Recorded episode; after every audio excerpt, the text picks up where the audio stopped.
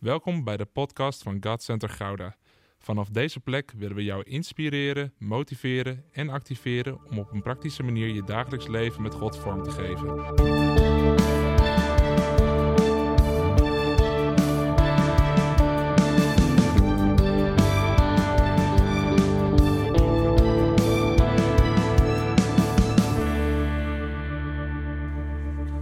Vanochtend gaan we het niet hebben over specifiek een van de namen van God.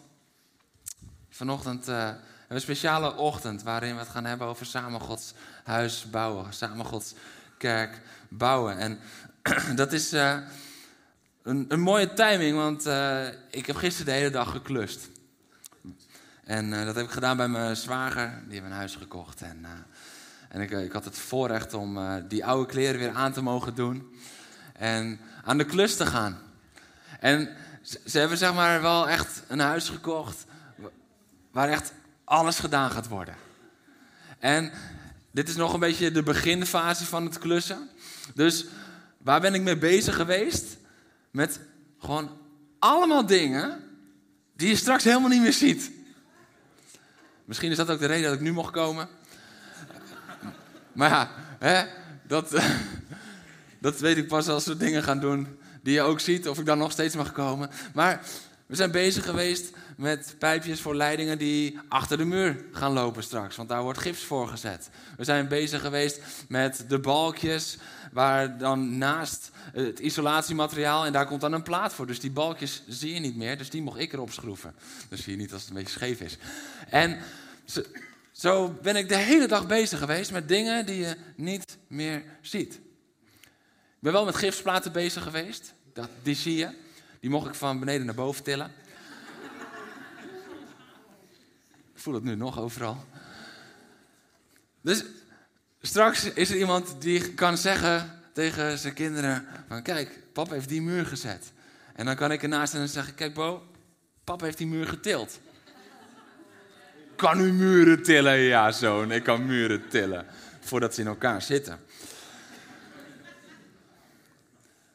Maar we, we doen de dingen die niet zichtbaar zijn.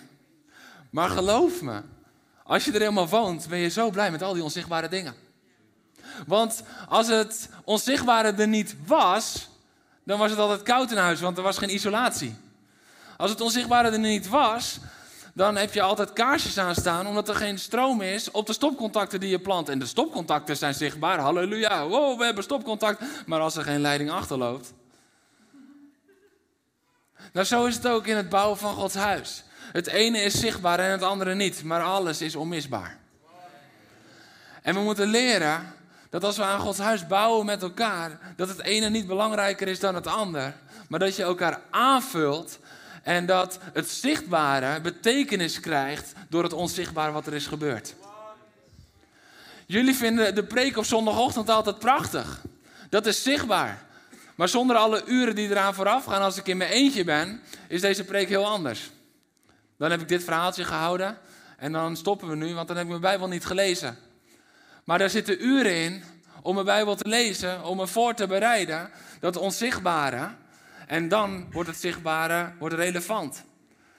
Op het moment dat de mensen door de week niet zeggen: Oké, we maken de wc even schoon dan wil je na drie dagen of na drie weken, wil je hier niet meer naar de wc. Is het zichtbaar wat er gebeurt? Nou, niet direct. Maar uiteindelijk is het zichtbaar op het moment dat we samenkomen. Als je achterin zit, de videoregisseur zie je op dit moment niet. Maar hij verdient wel een applausje. Want hij zorgt ervoor dat je, dat je dit kan zien. Hij is misschien niet zichtbaar voor jou. Maar zonder dat onzichtbare is dat zichtbare scherm zwart. Heb je helemaal niks aan. Dus samen bouwen we Gods huis. Samen bouwen we Gods huis. En het ene is zichtbaar en het andere is onzichtbaar. Maar het is gelijkwaardig aan elkaar, want we kunnen niet zonder elkaar. Jullie hebben net de band gezien, die is heel zichtbaar hè? Als Semja denkt, mute, niemand let op Semja.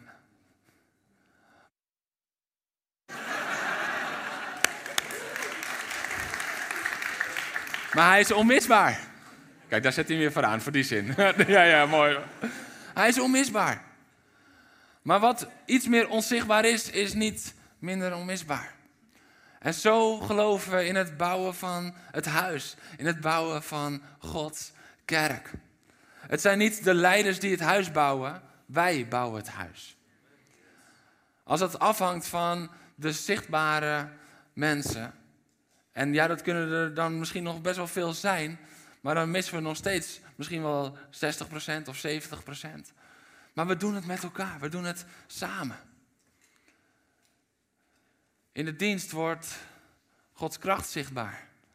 Maar weet je wat daar ook zo belangrijk voor is? De bidders die vanaf kwart over negen bezig zijn. Je ziet ze niet, want ze zitten in de tienerruimte. En terwijl we hier al gezellig zitten te keuvelen en eh, elkaar te ontmoeten, wat ook super belangrijk en super goed is, gebeurt dat wel. En eh, hier bedoel ik dus niet mee, of foei, je zou daar moeten zijn. Nee, want voor de een is dat gegeven. En de ander staat juist weer de koffie te schenken met een grote glimlach. De ander staat bij de deur mensen die koud binnenkomen te verwarmen met een welkom. Dus dit is niet van, oh je moet allemaal dat doen. Nee, maar je moet allemaal gaan stappen in dat wat God jou heeft gegeven. En als we dat met elkaar gaan doen, dan gaan we Gods huis krachtig bouwen met elkaar. Dus dit is niet een oproep, doe alles. Zorg dat je overal altijd bij bent. Nee, maar doe wat God jou heeft gegeven. En doe dat vol passie, vol enthousiasme en vol vuur. En als iedereen dat doet, dan gaan we elkaar aanvullen. Want we waren gisteren met een aantal waren we bezig in het huis. En op het gegeven moment was ik nog een vloer eruit aan het trekken. En iemand anders was bezig met zo'n stroompijpje. En de ander was bezig met isolatie. Maar als we met we waren met z'n zessen op het gegeven moment. Als we met z'n zessen rondom dat ene pijpje gaan staan. Omdat we zeggen, ja maar dat is op dit moment het allerbelangrijkste in dit huis. Dan lopen we elkaar alleen maar in de weg. Dus je moet gaan doen wat je gegeven is. Nou, ik had de opdracht van mijn zwager, doe de vloer. Dan ga ik de vloer doen. En dat voel ik nog steeds hier ook zo, weet je wel. Maar ga niet focussen op wat je denkt van oké, dit moeten we nu met z'n allen. Nee, maar wat heeft God mij gegeven? En dan hebben we bidders in het huis. Dan hebben we mensen die de straat op gaan in het huis. Dan hebben we pastoraal zorgers in het huis. Dan hebben we mensen die je welkom laten voelen in het huis. Dan hebben we mensen die de kinderen bouwen in het huis. Het is zo mooi als we elkaar aanvullen met elkaar. En dat is de boodschap van vandaag. Hey, in het kader van het Connect moment, als je enthousiast bent om de Bijbel te gaan lezen, ga staan. En als je dat niet bent, blijf zitten. Ja, we hadden toch die stellingen? Ja. Ja, nee. Handelingen 2, vanaf vers 41. Degene die zijn woorden aanvaarden, de woorden van Petrus, die heeft gepredikt en uitgelegd, lieten zich dopen. Op die dag breidde het aantal leerlingen zich uit met ongeveer 3000. Ze bleven trouw aan het onderricht, het onderwijs van de apostelen, vormden een gemeenschap, braken het brood en wijden zich aan gebed. De vele tekenen en wonderen die de apostelen verrichtten, vervulden iedereen met ontzag. Niet alleen de eerste drie rijen, niet alleen enkele door de gemeente heen, nee, iedereen werd vervuld met ontzag. Allen die het geloof hadden aanvaard, bleven bijeen en hadden alles gemeenschappelijk.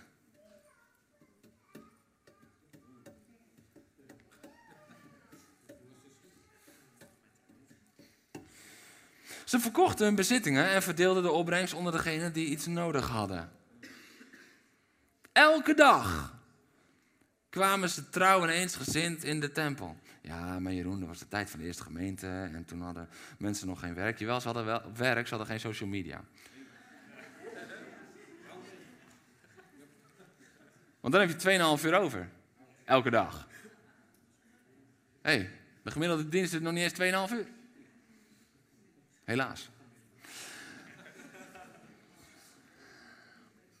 Ze braken het brood bij elkaar thuis en gebruikten hun maaltijden in een geest van eenvoud en vol vreugde. Ze loofden God en stonden in de gunst bij het hele volk. O Heer, laat dit weer terugkomen in Nederland. Dat uw kerk in de gunst staat bij het hele volk. De Heer breidde hun aantal dagelijks uit met mensen die gered wilden worden. Pak er nog een stukje van Efeze 1 ook mee. Jullie zijn gezegend vandaag. Halleluja. Vanaf vers 18. Ik hoor papieren Bijbels gaan.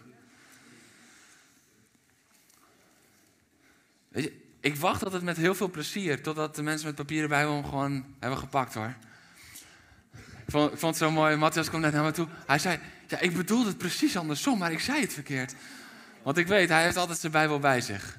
Dus ik wil even voor hem opkomen. En ik weet ook hoe hij daarin staat. maar het is zo grappig als het even verkeerd gezegd wordt.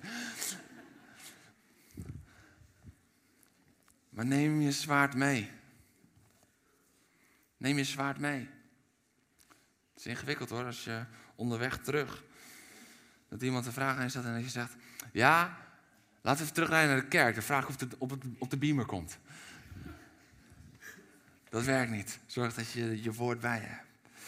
Mogen uw hart, vanaf vers 18, mogen uw hart verlicht worden, zodat u zult zien waarop u hopen mag, nu u, hij u geroepen heeft, hoe rijk de luister is die de heiligen zullen ontvangen en hoe overweldigend groot de krachtige werking van Gods macht is voor ons die geloven. Dus niet voor ons die het goed genoeg doen, niet voor ons die op het podium staan, niet voor ons die een zichtbare taak hebben, maar voor ons die geloven. Die macht was ook werkzaam in Christus toen God hem opwekte uit de dood en hem in de hemelsfeer een plaats gaf aan de rechterhand. Hoog boven alle hemelse vorsten en heersers, alle machten en krachten en elke naam die genoemd wordt. Niet alleen in deze wereld, maar ook in de toekomstige. Diezelfde kracht, die werkt dus ook voor ons in ons. Wauw.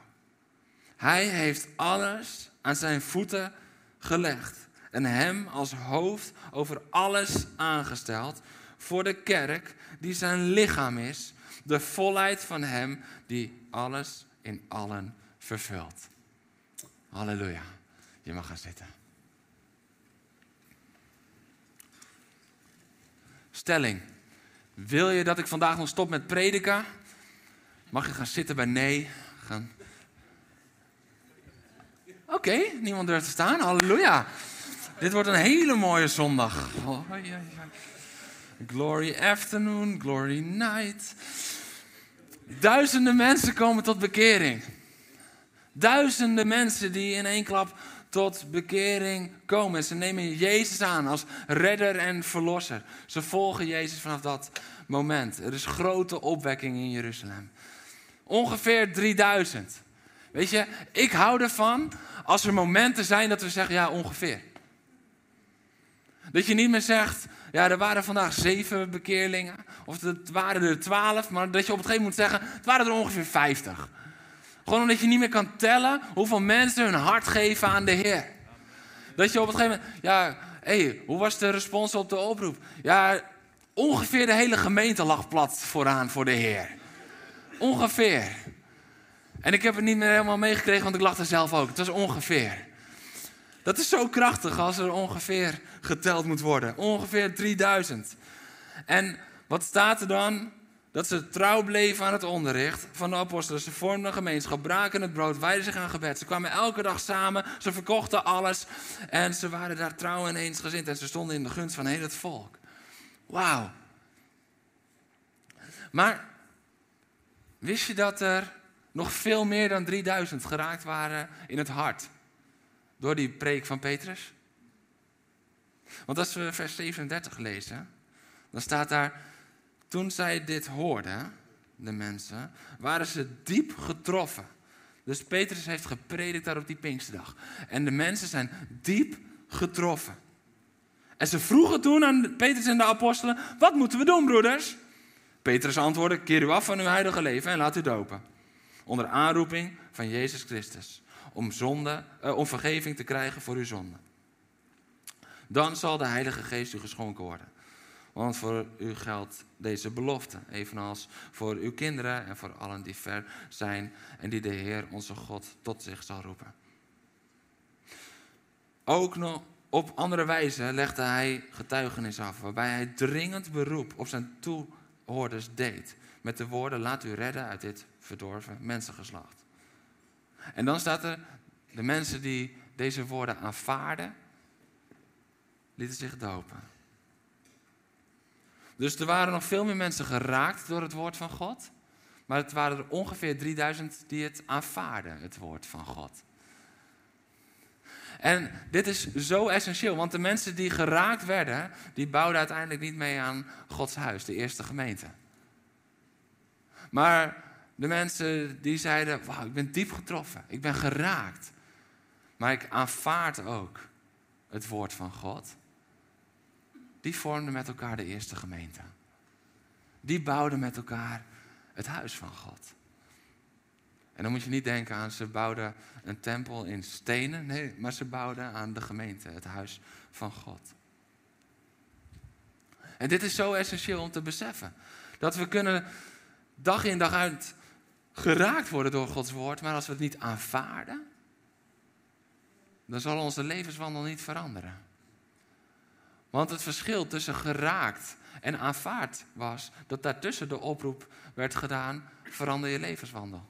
Keer je af, bekeer je. En daarvoor was er een prachtige boodschap over wat Jezus had gedaan. Maar de call to action, de vraag: ga jij hier onderdeel van worden? Die bepaalde uiteindelijk wie er deel werd van de eerste gemeente. En wat er dan zo mooi is, dan staat er: keer u af van uw heilige leven en laat u dopen. En als ze zich dan afkeren van hun huidige leven, dan is dit het gevolg. Namelijk dat ze trouw blijven, dat ze een gemeenschap vormen, dat ze Christus verheerlijken door iedere keer het breken van het brood en zich wijden aan gebed. En wat nu als dit nou precies het tegenovergestelde is van de huidige levenswandel die ze daarvoor hadden? Dat ze niet trouw bleven, dat ze niet een gemeenschap vormden, maar dat ze meer voor zichzelf leefden. Dat ze Christus niet verheerlijkten, maar dat het om hun eigen toestand ging. En dat ze meer bezig waren met hun eigen hart als met het hart van God door gebed. Maar ze wijden zich toe. En dan pas kunnen we bouwen aan Gods huis. Als we zijn woord aanvaarden. Niet wanneer we ons alleen laten raken. En daarom is vandaag ook echt een boodschap van aanvaarding. Gaan we met elkaar Gods huis bouwen. En uiteindelijk is Hij degene die het bouwt. Maar zijn wij beschikbaar om gebruikt te worden door Hem? Zijn wij beschikbaar om vrucht te dragen op de plek waar Hij ons heeft bedoeld? Wat Hij in ons leven heeft gelegd. Hun hele leven was veranderd daar in de eerste gemeente. Want er staat dan niet enkele die enthousiast waren. Nee, er staat allen. Vers 44. Allen die het geloof hadden aanvaard. Allemaal. Dus niet alleen de eerste drie rijen die springerig zijn en enthousiast zijn. Nee, allen. Niet alleen degenen die de afgelopen twee jaar tot bekering zijn gekomen of tot nieuw vuur zijn gekomen, maar ook die al twintig jaar of dertig jaar of veertig jaar met de Heer wandelen. Allen horen daarin vurig en enthousiast te zijn en te bouwen met elkaar en daarin gemeenschappelijk te zijn met elkaar. Er hoort geen verschil te zitten. In de HSV staat het nog krachtiger, dan staat er vanuit de grondtekst meer dat ritme van het Grieks, van iedere keer zij, zij, allen, en dan weer zij, zij. Dus dat woordje zij, dat verwijst iedere keer terug naar die allen ook. Zij. Zij volharden in de leer, gemeenschap. Ze braken het brood, ze baden met elkaar. Ze hadden alles gemeenschappelijk, verkochten en verdeelden. Dagelijks en eensgezind in de tempel. Ze loofden de Heer en vonden genade en gunst bij heel het volk. Dagelijks nieuwe mensen. Dat geldt voor allen. Dus vandaag is niet de vraag: mag Gods woord je hart raken? Vandaag is de vraag: of je hart Gods woord wil aanvaarden. Staan we open om zijn woord te aanvaarden? Want zonder aanvaarding verandert een geraakt hart niet. zie je in dit Bijbelverhaal. Verandering ligt in hoe we antwoorden op wat ons raakt. En dan is het belangrijk om ook daarin gewoon eerlijk te zijn. Houden we van het idee om samen kerk te zijn of houden we ervan om echt samen kerk te zijn? Want het idee van samen kerk zijn kan soms afwijken van wat het betekent om echt samen kerk te zijn. Ik ken veel studenten die houden van het idee om op zichzelf te wonen. Totdat ze erachter komen dat die wasmachine gewoon niet vanzelf gaat draaien. Dat die wc gewoon, die remsporen, dat ze denken die wc is stuk. En dat ze een loodgieter laten komen en dat ze zeggen: Kijk, de wc doet het niet. Want thuis was het altijd gewoon weer schoon, maar hier blijft het zitten. En dat die loodgieter dan moet uitleggen: Nee, dat deden je ouders.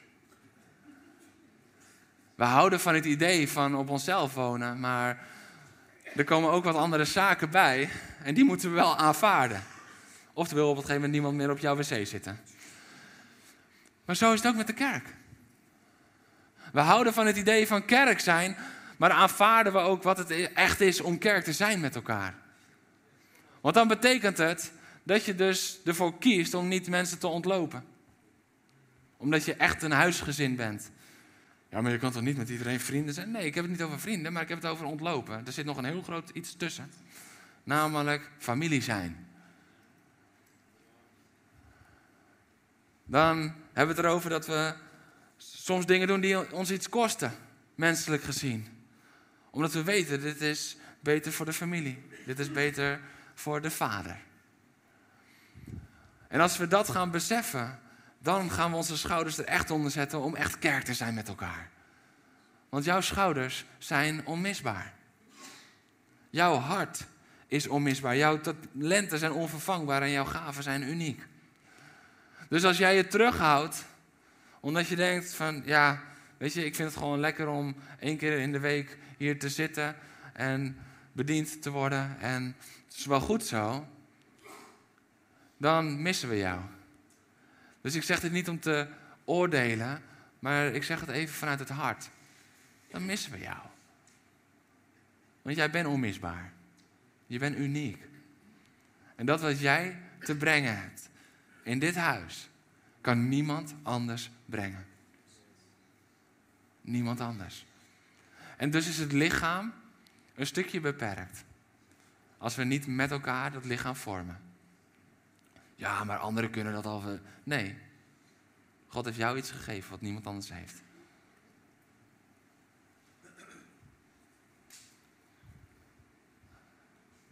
En dat kunnen onzichtbare dingen zijn.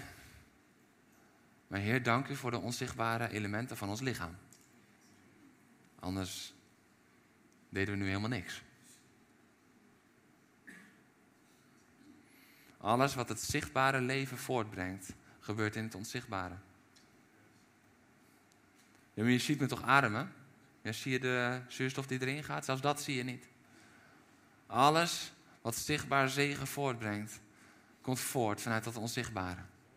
Elke zegen van God komt uiteindelijk vanuit dat onzichtbare. Elke prachtige doorbraak in een dienst, daar zit gebed aan vooraf. Daar waait Gods geest aan vooraf. En dat doen we dus niet alleen met een select groepje, nee, dat doen we als gemeente. Vanavond op de Glory Night zullen we ook opnieuw leren wat het betekent om met elkaar voor zaken te bidden. Integraal, met elkaar te bidden. Ben je klaar om je toe te wijden, om het woord te aanvaarden? Niet alleen aan het goede nieuws, maar ook aan de grote opdracht. Want het goede nieuws aanvaarden we vaak en we zijn dan geraakt door de grote opdracht. Maar het is tijd dat we de grote opdracht, de volledige opdracht, dus dat is ook de zorg met elkaar, het omzien naar elkaar, maar ook het uitreiken naar de wereld, dat we die net zo gaan aanvaarden als dat we Christus hebben aanvaard als onze redder en verlosser.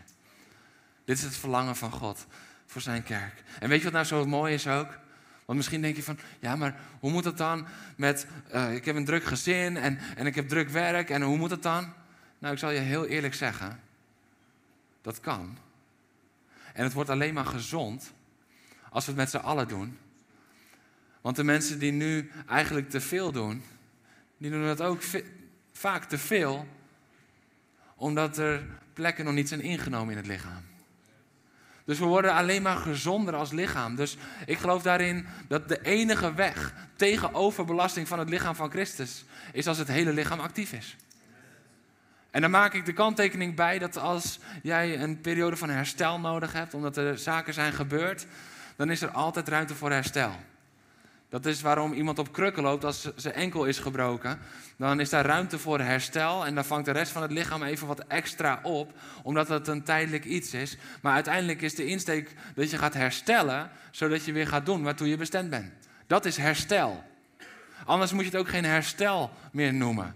Herstel heeft altijd voor ogen dat je weer gaat doen waartoe je bestemd bent. Maar als je zegt van ik vind het wel best zo, dan ben je niet meer aan het herstellen, maar dan ben je in slaap gevallen.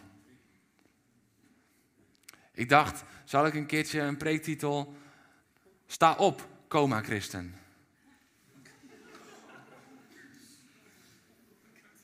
Sommige mensen vinden dit heftig.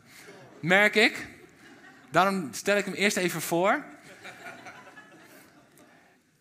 Ik heb voor in februari een preektitel waar ik nu ook acuut aan begin te twijfelen. Door deze reactie. Sta op, coma, christen. Want soms blijven we zo lang liggen en het gaat niet meer om ons herstel, maar we vallen rustig in slaap en we worden niet meer wakker. En eigenlijk liggen we in coma terwijl we geroepen zijn om vanuit het herstel dat we hebben gekregen weer actief te zijn. Herstel, coma, christen. Ik ga hem toch pakken, ja. Halleluja. Want weet je waartoe we bestemd zijn?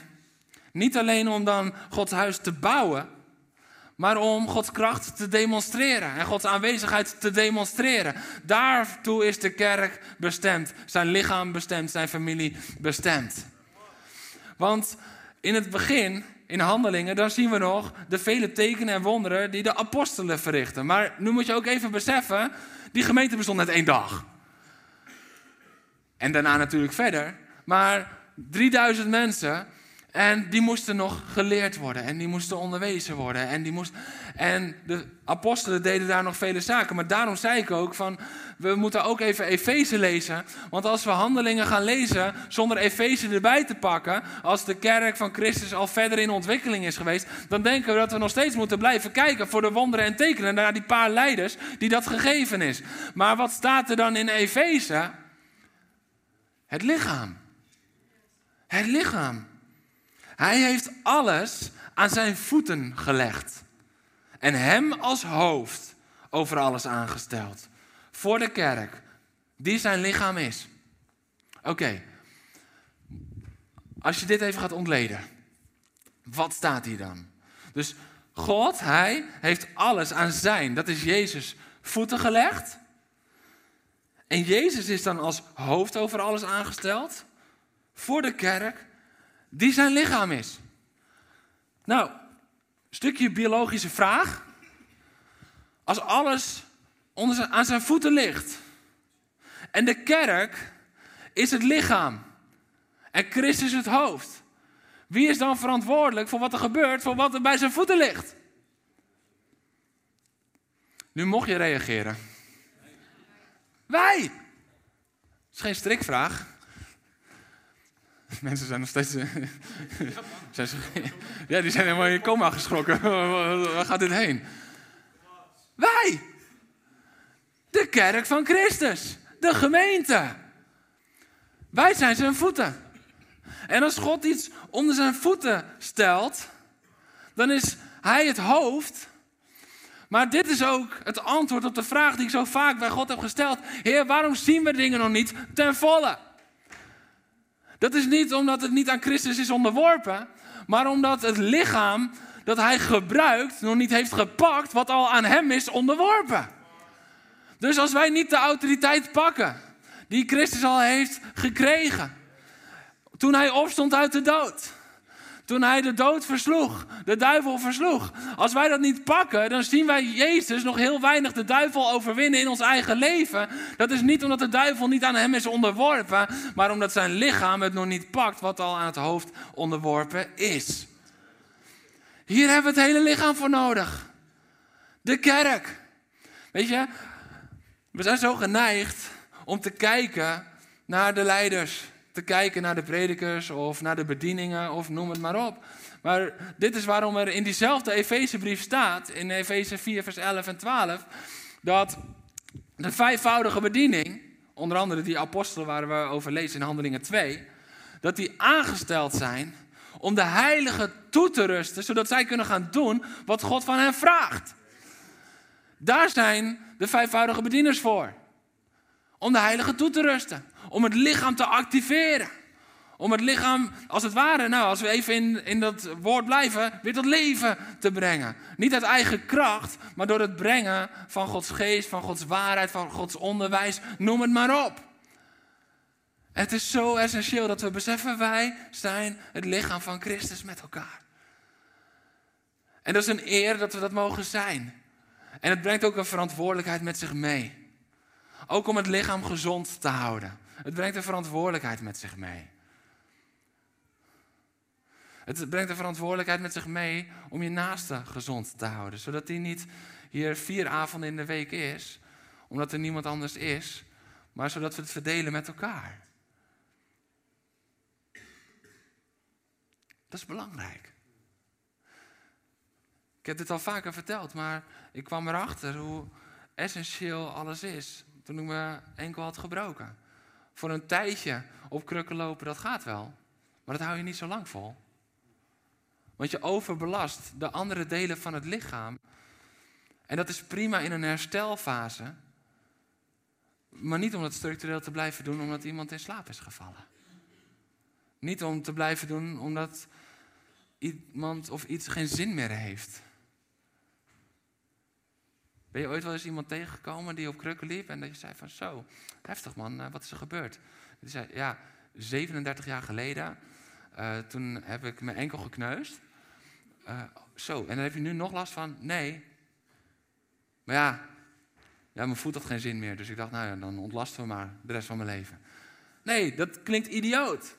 Jullie vinden het zelfs een slecht voorbeeld. Ja, ik merk het. Ik doe ook mijn best, hè? Kom op. We doen het samen. We zijn één lichaam, weet je nog? Maar ik wilde gewoon even een idioot voorbeeld om te benadrukken hoe stom het klinkt in het natuurlijke, maar hoe pijnlijk het is dat het zo vaak gebeurt in het geestelijke lichaam. Want we hebben wat voetjes en, en, en benen die gewoon niet meer doen hoor. Ja, nee, het is nu aan de jeugd.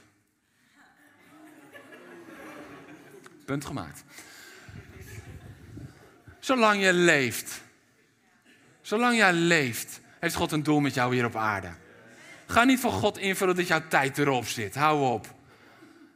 Nee, dat is zo onbijbels. Stel je voor dat Abraham dat dacht op zijn tachtigste. Stel je voor dat Noach dat dacht op het gegeven moment halverwege de ark. Nou, nou, ja nee, ik vind eigenlijk wel dat mijn tijd erop zit. Stel je voor. Kom op. We hebben iedereen nodig, van de jongste tot de oudste. Want we zijn één lichaam met elkaar. We vullen elkaar aan. Zonder de wijsheid en het vuur van de ouderen zijn de jongeren nergens. Er wordt altijd gezegd dat de ouderen alleen nog voor de wijsheid zijn. Nee, ik wil geïnspireerd worden door het vuur van ouderen. Ik wil als ik bij ouderen kom, dat ze niet alleen zeggen: Ja, nou met de jaren zal je dit ook wel gaan inzien. Dat is wijsheid. Nee, ik wil dat ze me gewoon in de fik zetten. Dat ze zeggen: Hé, hey, mag je de handen opleggen? Ik wil, man, kom op, man. Halleluja. Jullie zijn belangrijk. Jullie zijn ongelooflijk belangrijk. En jongeren, wacht niet totdat je 30 bent, omdat je denkt dat je dan recht van spreken hebt. Je bent nu al belangrijk. En alles wat er tussenin zit en eromheen danst, je bent belangrijk. Je bent onmisbaar. Je bent onmisbaar. En dat is prachtig, dat is bevestigend en het geeft ook een stukje verantwoording. En die verantwoording, die drukt niet op je, maar die rust op je. Alleen op het moment dat mensen hun verantwoording niet nemen, dan gaat het op de mensen die dat wel doen heel erg drukken, omdat het te veel is, omdat ze gaan overpakken wat eigenlijk niet van hen was. Daarom is het zo mooi bedacht door God dat we één lichaam zijn met elkaar. Romeinen 12 leert het ons zo mooi. En dat is een climax in vers 11. Romeinen 12 heeft het dan over dat we één lichaam zijn en vele delen. Allemaal een andere functie, maar één lichaam. Verschillende gaven. Dus we moeten demonstreren wat ons gegeven is. We hebben allemaal verschillende gaven. Heb elkaar lief. Dat staat er dan ook. Laat uw liefde oprecht zijn. Verafschuw het kwaad. En wees het goede toebedaan. Heb elkaar lief met een innige liefde van broeders en zusters. En acht de ander hoger dan uzelf. Dat is krachtig. En dan staat er in vers 11. Laat uw enthousiasme niet bekoelen. Laat uw enthousiasme niet bekoelen.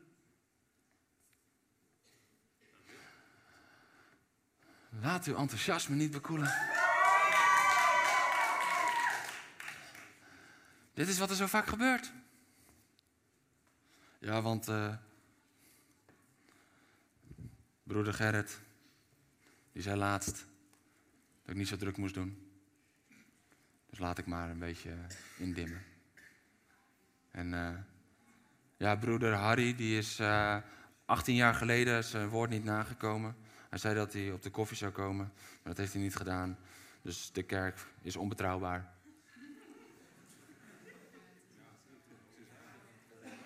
dat is heel serieus. Want zo vaak gebeurt het zo. We laten ons enthousiasme bekoelen door het tekortschieten van mensen. Maar ik zeg je alvast, dat gaat nog vaker gebeuren. Want wij mensen schieten tekort.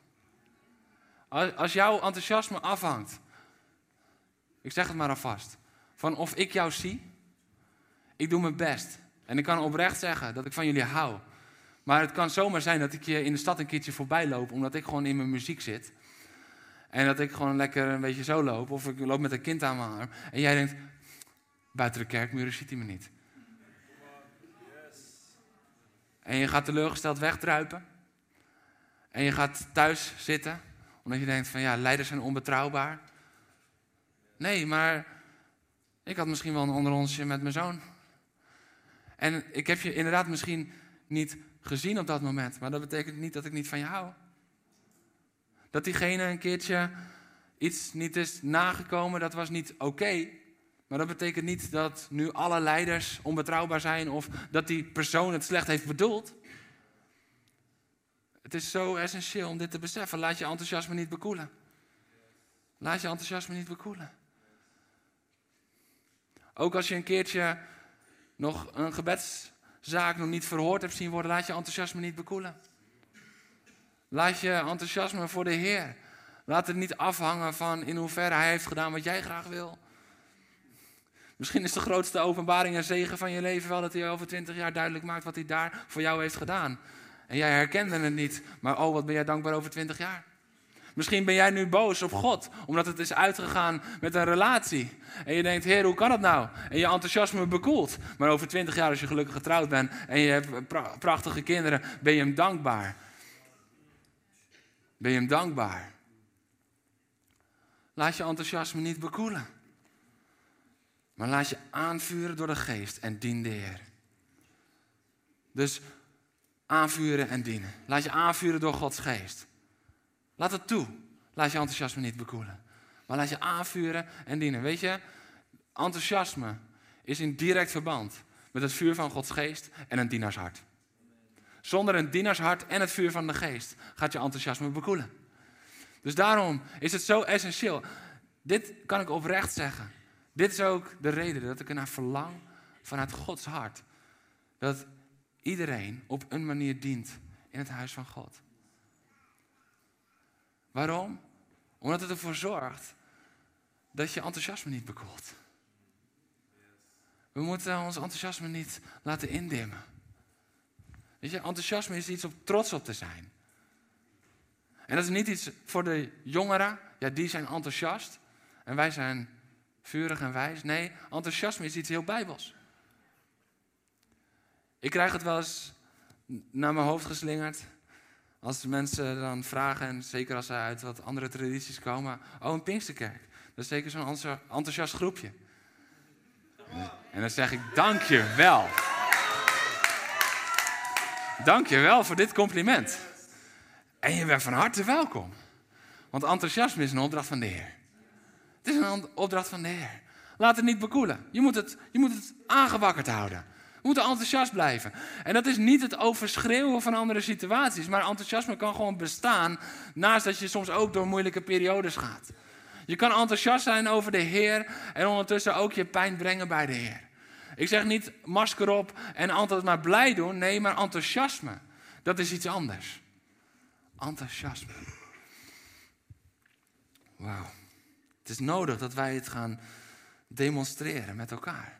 En hoe doen we dat? Door ons te laten aanvuren door de Heer. Door de Heer te dienen. En dan blijven we enthousiast. En dan blijven we doen waartoe we geroepen zijn als heel lichaam. Niet een gedeelte van het lichaam, nee, maar als heel lichaam. Wauw. Dan heb nog 10 seconden voor mijn laatste punt. Geef. Gelukkig nieuw punt. Oké, we gaan toch door. Want het derde punt, wat ik wil maken. we moeten een beetje inkomen voor 31 december. Hè? Wat, wat de tekst ons leert, is het hart van geven. Het hart van dienen, het hart van demonstreren en het hart van geven. Vorige week zei ik het al heel even toen we het offer aankondigden. Dat we van Jacob kunnen leren. Dat hij besefte. Ik geef niet iets van mezelf aan God, maar ik geef wat hij mij heeft toevertrouwd, geef ik een deel van terug. En de eerste gemeente begreep dat ook. De eerste gemeente begreep dat heel erg zuiver. Want waar kozen zij voor? Gewoon om alles wat van hun was, van Gods huis te laten zijn. En dit is het punt waar we in Nederland vaak afhaken, omdat er nog heel veel denken en patronen en religie en traditie en alles zit. Dus we willen dit niet horen. We vinden het tiende principe al lastig. Moet je nagaan als er iemand gaat prediken over, ze hadden alles gezamenlijk. Want ik wil mijn plekje en ik wil mijn afgekaderde stukje. En wat van mij is, is van mij. Nou, er is niks van jou bij. Je hebt het toevertrouwd gekregen. Door God. Er is niks van jou bij. Hij is de bron. En Jacob begreep dat. Heer, dan geef ik het tiende terug van alles wat u mij heeft gegeven. Terwijl hij ging zweten. Hij ging voor zijn oom werken. Zeven jaar, nog zeven jaar. En hij gaf het terug. Omdat hij besefte, dit is niet van mij. Nee, ik heb het van u gekregen. Weet je, en, en dat koppelt Jacob dan ook direct aan het huis. Want hij zegt, hier op deze plaats, op Bethel. Dan zal ik terugkomen op deze plaats en dan zal ik u een tiende geven. Hij had op dat moment nog niks op te geven, maar hij zet het apart om terug te komen, Bethel, huis van God. Om daar te komen en het aan de Heer te geven. En dat vereist ook een stukje overgave. Want stel dat mijn ouders met kerst denken van laten we Jeroen 500 euro geven.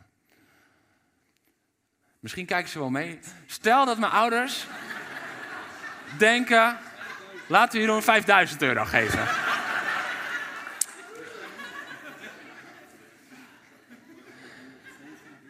En ik wil vanuit mijn hart wil ik 10% aan ze teruggeven. Dan heb ik het van hun gekregen. Ik geef daar 500 euro van terug, want we blijven even in die 5000 hangen. Halleluja. Maar als ik dat aan hun wil teruggeven, dan ga ik het niet overmaken naar bepaalde doelen die ik voor ogen heb. En dan zeg ik van, ik heb het aan jullie teruggegeven. Kijk, ik heb het daar en daar en daar en daar aan gespendeerd. En dit is vaak wat we wel in onze eigen gedachten doen.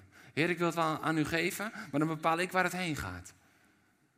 Terwijl Jacob ons al leert. En de gemeente, de eerste gemeente in Handelingen, leert het al dat het naar het huis van God hoort. Bethel. De eerste gemeente. Ze deden daar alles, daar gezamenlijk. En dat zorgde er ook voor dat de gemeente kon gaan zorg dragen voor elkaar. Ik ben super dankbaar om te kunnen getuigen dat vorig jaar hebben we in november hebben we hier ook een zondag bij stilgestaan. En daar is prachtig gereageerd op de call die we hebben neergelegd. Van laten we met elkaar Gods huis bouwen. Ook financieel. Ook qua tijd, ook qua dienen, maar ook financieel. En het is zo mooi om te zien dat er zo'n grote sprong is gemaakt met elkaar. En dat is de reden, ik heb toen half in tranen heb ik gewoon eerlijk verteld. Dat, we zaten toen met die energiecrisis in de zomer, uh, ging dat allemaal. En dat, dat ik zei, we kunnen als kerk gewoon helemaal niets. Omdat we dat gewoon niet hebben. En ik kan vol dankbaarheid zeggen dat we dit jaar een diaconale pot hadden. En dat wanneer mensen echt een nood hebben, dat ze kunnen aankloppen. En dat we ze niet alleen helpen met, oké, dan tikken we het af, maar ook met een stuk begeleiding. Ook met een stukje wijsheid daarin geven.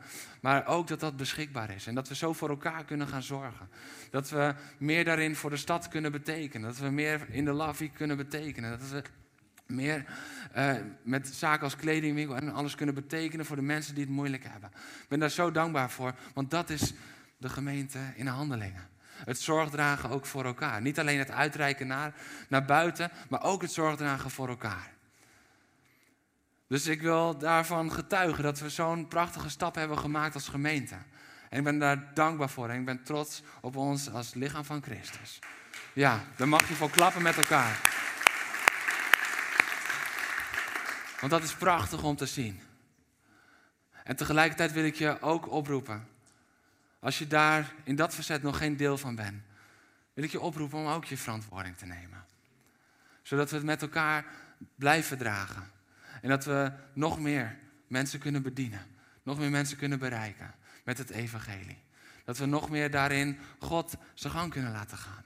Dat we nog meer Hem kunnen volgen, blind op wat Hij ons geeft. Het is zo krachtig om dat samen te doen. Het is zo mooi om dat te beseffen. En weet je, dat was de hartshouding van de eerste gemeente. Dat was de hartshouding van de eerste gemeente. Die berekende niet de prijs, maar die bekeerde zich. En ik ben erachter gekomen dat in Nederland um, hebben we een beetje. Kijk, vroeger wist je gewoon dat als je een prijskaartje zag, dan kost het zoveel. Tegenwoordig word je nog heel vaak verrast. Want dan stond er dus exclusief BTW. Dus het is heel vaak dat we denken van oké, dit is het, maar het is exclusief BTW. Nou, als we het hebben over bekering, dan hebben we ook heel veel exclusief portemonneebekeringen. Want we bekeren ons en we willen hem ook nog wel volgen en noem maar op. Maar onze portemonnee die houden we in onze eigen zak. Veilig, ver weg, dat niemand hem kan zien. Maar zeker God niet. Want ik heb er toch hard voor gewerkt. Nee, je hebt er wel hard voor gewerkt. Maar het is wel God die het je heeft gegeven. Oh, ik dacht dat het mijn baas was. Nou ja, God gebruikt bazen. Maar het is zo essentieel om dit te beseffen. Een exclusief portemonnee, christen.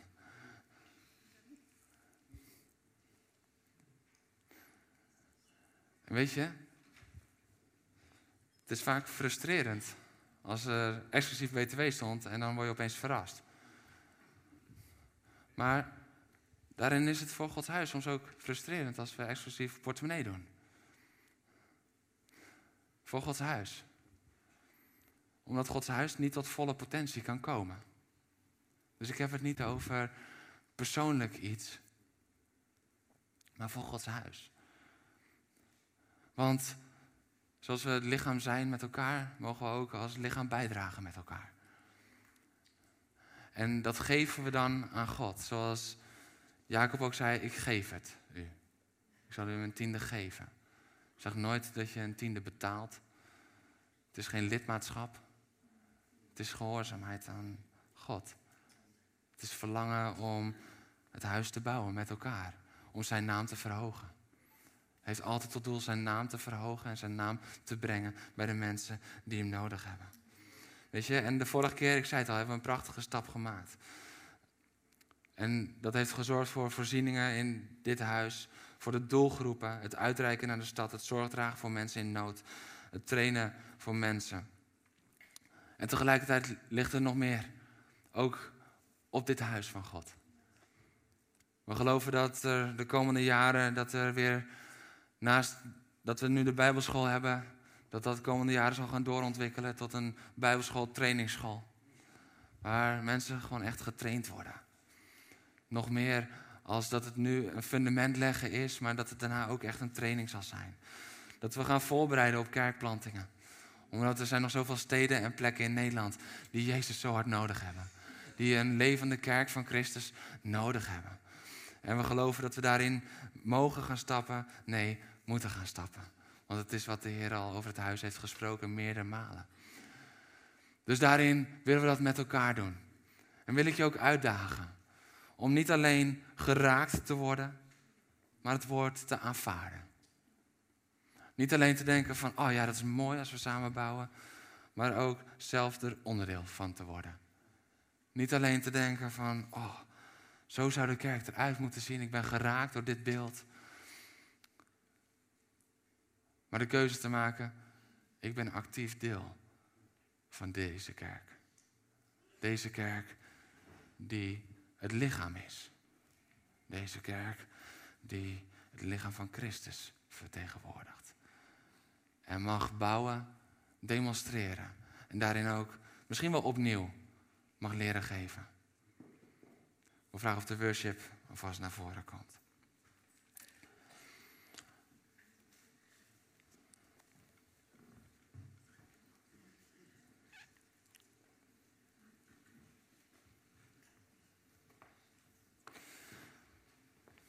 We gaan straks gaan we het ook praktisch maken.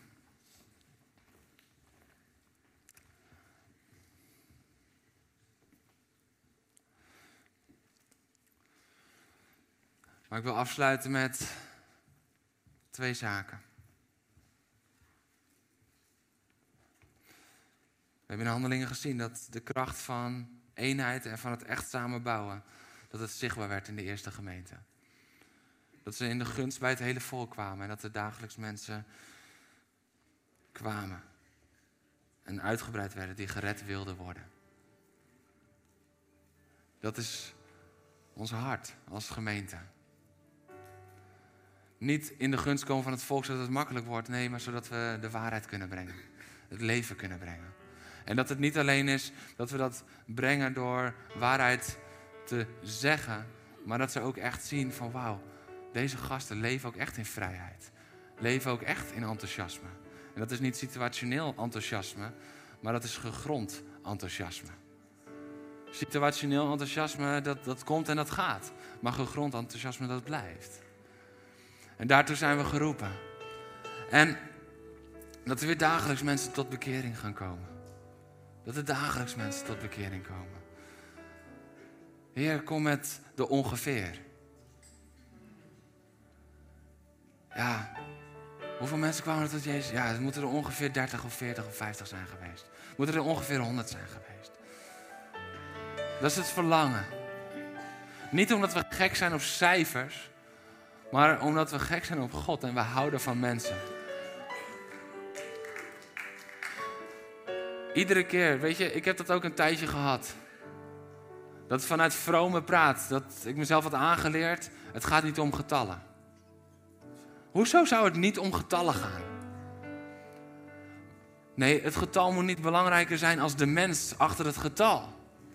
Maar leg mij even uit. En iedereen die met een goede reden komt, die mag het volgende week uitleggen. Dat durf ik te zeggen. Maar leg mij uit. Waarom het niet om een getal gaat. En waarom we niet blijer zouden moeten zijn met 30 bekeerlingen als met drie. En we zijn over ieder persoon even enthousiast en even blij. Maar ik word blijer van 30 als van 3. Niet omdat die drie dat niet waard zijn, maar omdat er 27 meer zijn. Het gaat wel om getallen in het koninkrijk van God. Want het gaat om redding van mensenlevens. Dat is waar we mee bezig zijn. We zijn niet bezig met de comfortabele stoel bezitten. En ik zeg bewust bezitten, omdat we zo graag ons eigen jas alvast erop leggen. Alsof we de stoel bezitten. Daar zijn we niet mee bezig. We zijn bezig met het bouwen van het huis van de Heer. We zijn bezig met het bereiken van een generatie die anders verloren gaat. En daarom dat Petrus ook, en hij probeert het nog duidelijk te maken. En op andere wijze legt hij die getuigenis af. Waarbij hij dringend beroep deed. Laat je redden. Uit het verdorven mensengeslacht. Laat je redden. En ze aanvaarden het. Aanvaard dit woord vandaag.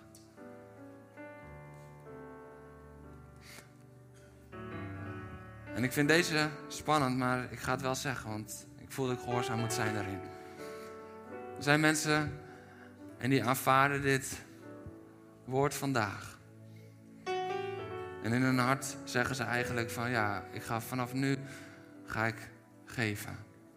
Vanaf nu ga ik me geven in mijn tijd, maar ook in mijn financiën.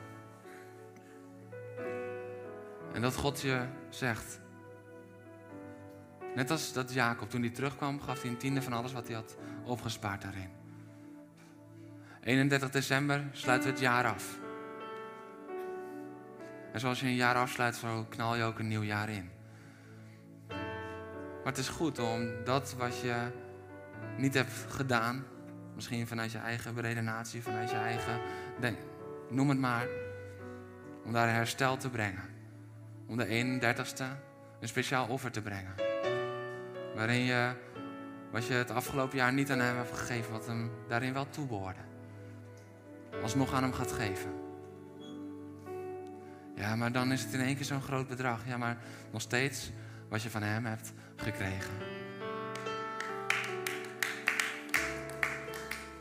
De 31ste zullen we een speciaal moment nemen voor het offer. Voor hiervoor, voor als mensen dit moment mogen pakken. Maar ook om gewoon een dankoffer te geven over het afgelopen jaar. De zegen van God is zo groot geweest. En voor de ene is het een jaar van heel veel hoogtepunten geweest. En de andere misschien ook met dieptepunten.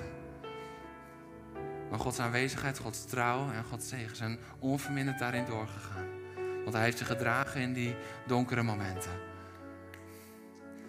En hij heeft zich gezegend daar op de bergtop. Dus we gaan vandaag niet een emotionele oproep doen om een offer te geven voor dat of voor dat.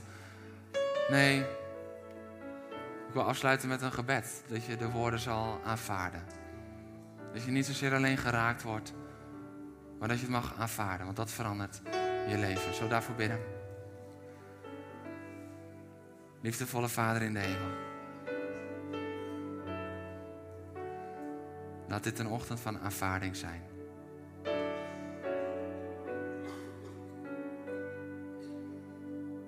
Heer, dat we mogen leren vanuit uw woord, vanuit de eerste gemeente, vanuit het leven van Jacob, vanuit de brief van de Efeze, de brief aan de Romeinen.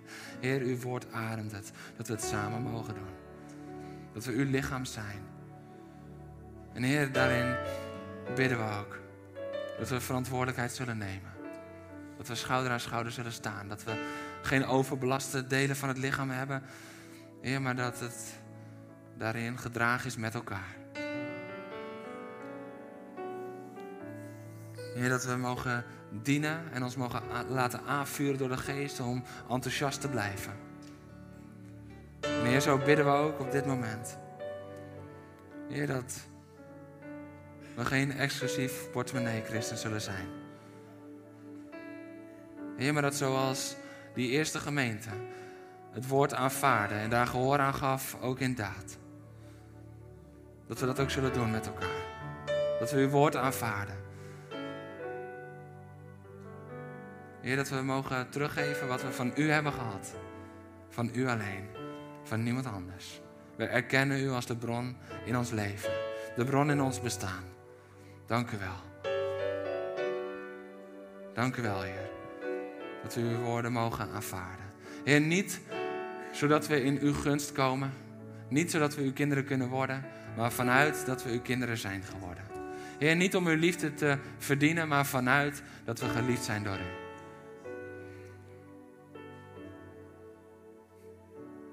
Heer, niet zodat we een plekje in de hemel veilig stellen, maar omdat u die plek al heeft bereid. Dank u wel dat niets wat we doen, Heer, toevoegt aan uw liefde voor ons. Heer, dank u wel dat u ons bevestigt in wie we zijn in u. En dank u wel dat vanuit die zekerheid, vanuit dat stukje dat u al in ons heeft gelegd, die bevestiging. Heer, dat we gehoor mogen geven aan de roep van uw stem. Ik bid, Heer, dat we dit niet zullen ervaren als de stem van een mens, niet de stem van een persoon, niet de, de stem ten liefste van een leiderschap. Nee, maar uw stem. Niet de stem van de kerk, maar de stem van het hoofd, het fundament, de hoeksteen van de kerk. Jezus Christus zelf. Amen. Bedankt